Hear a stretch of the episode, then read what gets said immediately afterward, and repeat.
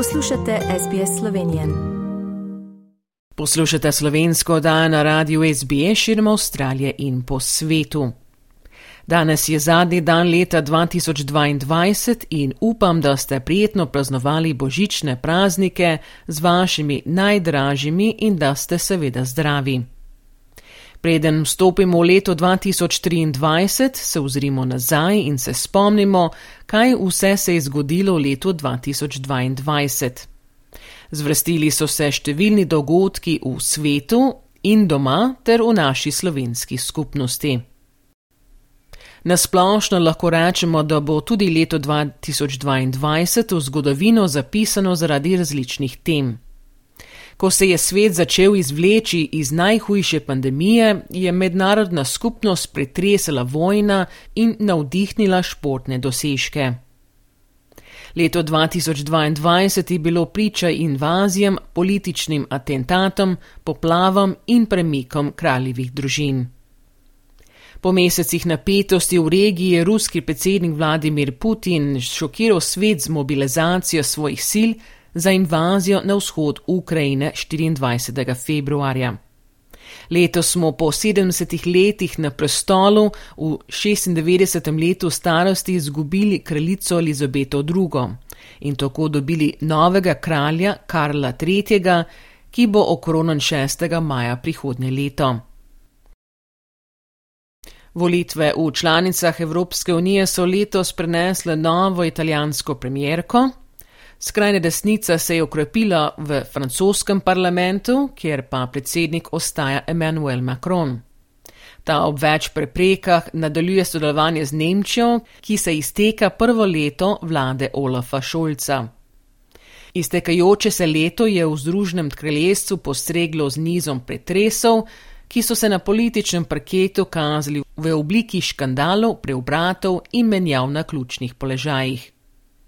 Slovenija je v letu 2022 štela kot supervelino leto, ko so bile državno-zborske, predsedniške in lokalne volitve, kot tudi trije referendumi.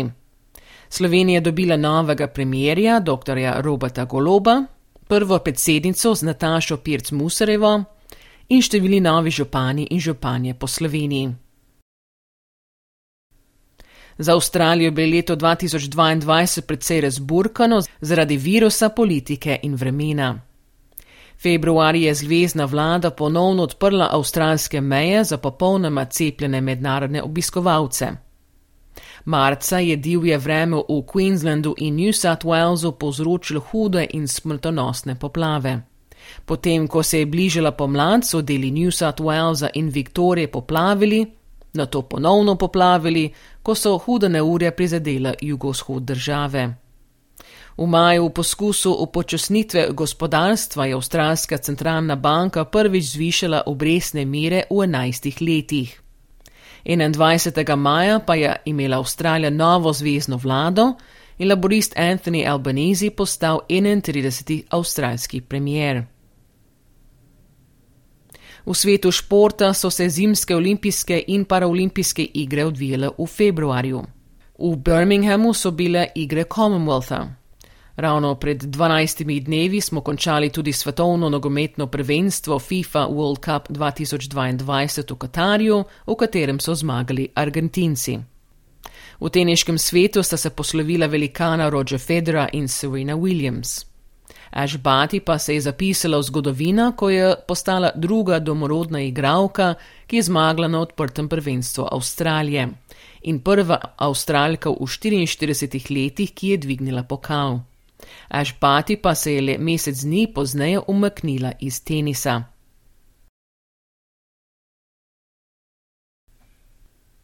Kaj pa se je v letu 2022 dogajalo v slovenski skupnosti v Avstraliji? Letos smo obeležili nekatere pomembne obletnice, gostje so nas ponovno pričeli obiskovati, število članov skupnosti pa se je precej zmanjšalo. Pa preglejmo dogodke, o katerih ste lahko slišali v slovenskih oddajah med letom. Marca je v slovenskem misijonu v Sidneju potekla prededitev o 50. obletnici cerkve in predstavitvi knjige Zlati sveti Rafael v Marylandu. Pogovarjali smo se s predsedniki društv Jadran in Penica v Melbournu in Trigla v Sydneyju, ki so vsi praznovali Abrahama, torej 50. obletnico delovanja. V januarju ob 30. obletnici, ko je Avstralija priznala Slovenijo kot samostojno državo, smo se pogovarjali z Alfredom Brežnikom, nekdanjega časnega generalnega konzula Republike Slovenije za New South Wales, in z Lentijem Lenkom, zelo aktiven avstralski slovenec v Melbournu, ki sta se spominjala časov samosvanja Republike Slovenije. V juniju smo se v klubu Mounties v Sydneyju po enoletni zamudi zaradi COVID-19 udeležili uradnega praznovanja 30. obletnice slovenske državnosti in že 19. podelitev priznan zaslužnim slovencem za leto 2020 v New South Walesu. Voditelj slovenskega misijona Melbourne, pater Simon Peter Berlec, pa je v juniju praznoval 25 let duhovništva. Pogovarjali smo se z Matejem Arčonom, novim ministrom za slovence v zamestju in po svetu.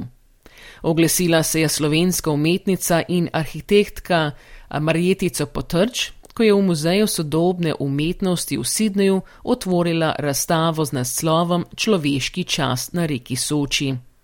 Ob slovenskem kulturnem prazniku smo se pogovarjali s slovensko pisateljico Mojco Brglec, ki piše otroške zgodbe, povesti in pravljice.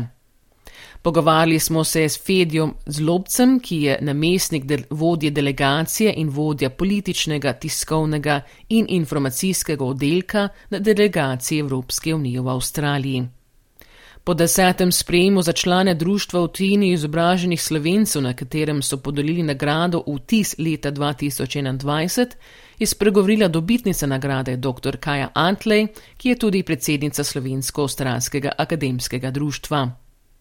Neil Churches, ki je avstralec po rodu in ima povezavo s Slovenijo po njegovem očetu, je spregovoril v njegovi novi knjigi z naslovom The Greatest Escape. Edmund Goldrick, ki je avstralski zgodovinar, ki je tudi pomagal z raziskovalnem delu za knjigo, je nam razlagal, kako se je lotil tega velikega dela. Pogovarjali smo se z Drago Gelt iz Melbourna, ki je prijela posebno medaljo za zasluge predsednika Republike Slovenije Borota Pahorja. V juniju Alfred Bežnik AM, Marta Magajna in Mihila Šuštršič in slovenska skupnost v New South Walesu so prijeli posebno medaljo vlade Republike Slovenije in so se nam tudi oglasili. Klub Triglav v Sidneju in njegov predsednik Peter Krope pa sta tudi prijela priznanje Republike Slovenije.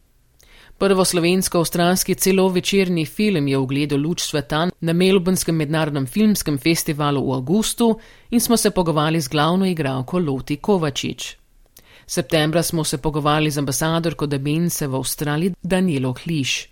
O prireditvi Dobrodošli doma v juliju v novem mestu je v imenu organizatorja Rafaeleve družbe spregovorila Ana Gregorič. Pogovarjali smo se z vodjo projekta za srednjo šolce Moje podjetje iz Ja Slovenija, Maja Juršič, o programu in letošnjih zmagovalcih. Ren Gregorčič, mlajši član avstralske slovenske skupnosti, je umetnik, ki živi v Canberri in se oglasil po vrnitvi iz Evrope, kjer je ustvarjal in razstavljal svoje umetniška dela. Pater Celil Božič je po dveh letih prvič prišel na obisk v Avstralijo in se nam oglasil. Slovenski novinar Marjan Šrimf in snemalec Robert Kranvolgost sta nas obiskala v studiu in spregovorila o dokumentarcu, ki sta ga snemala v Avstraliji. Oglasila se je dr. Mihela Knez, vodja programa Slovenščina za otroke in mladostnike na Centru za slovenščino kot drugi tuji jezik na Filozofski fakulteti v Ljubljani v poletni šoli slovenščine. Jurček Žmavc, direktor slovenskega paviljona na svetovni razstavi Expo 2020, ki je bilo v Dubaju, nam je razložil, kako je potekla šestmesečna razstava. Gostili smo Lili Brunec, dolgoletno sodelovko za oddaja slovencem po svetu na Radio Slovenija, ko je oddaja praznovala 70. obletnico delovanja. Iz zimskih olimpijskih iger v Pekingu se je oglasil Tomaš Barada, podpredsednik Olimpijskega komiteja Slovenije. Srečni smo najboljše slovenske kolesarje, ki so tekmovali na svetovnem prvenstvu v Wollongongu. Med drugimi smo se pogovarjali s kolesarjem Tadejem Pogačarjem, kot tudi z mladim članom svetovnim prvakom za mladince Žakom Eržinem, podpredsednikom in generalnim sekretarjem Kolesarske zveze Slovenije Pavlom Brnžonovičem in Andrejem Filipom. Pogovarjali smo se tudi s številnimi glasbeniki. Slišali smo o 30. obletnici delovanja, ki jo preznavala družina Galič. Pogovarjali smo se s kitaristom in vodjo ansambla Kraški kvintet Gornem Kocmanom, ki živi na Krasu v Italiji. O 25. festivalu Slovenska polka in valček smo se pogovarjali z dobitnikom za najpolko Cikcak kvintetom. Pogovarjali smo se s svetovnim prvakom v igranju na diatonično harmoniko Denisom Novatom ob njegovi turneji po Avstraliji. Oglasili so se slovenski predstavniki na Euroviziji, fantje in dekle skupine LPS, kot tudi priljubljena slovenska pevka, pianistka in skladateljica Nejša. V živo smo gostili oporno pevko in flautistko Rebeko Hren Dragolič, ki vzgaja mlade upe na Tasmaniji in je obenem članica zasedbe Lastovke in je spregovorila o izidu prve plošče.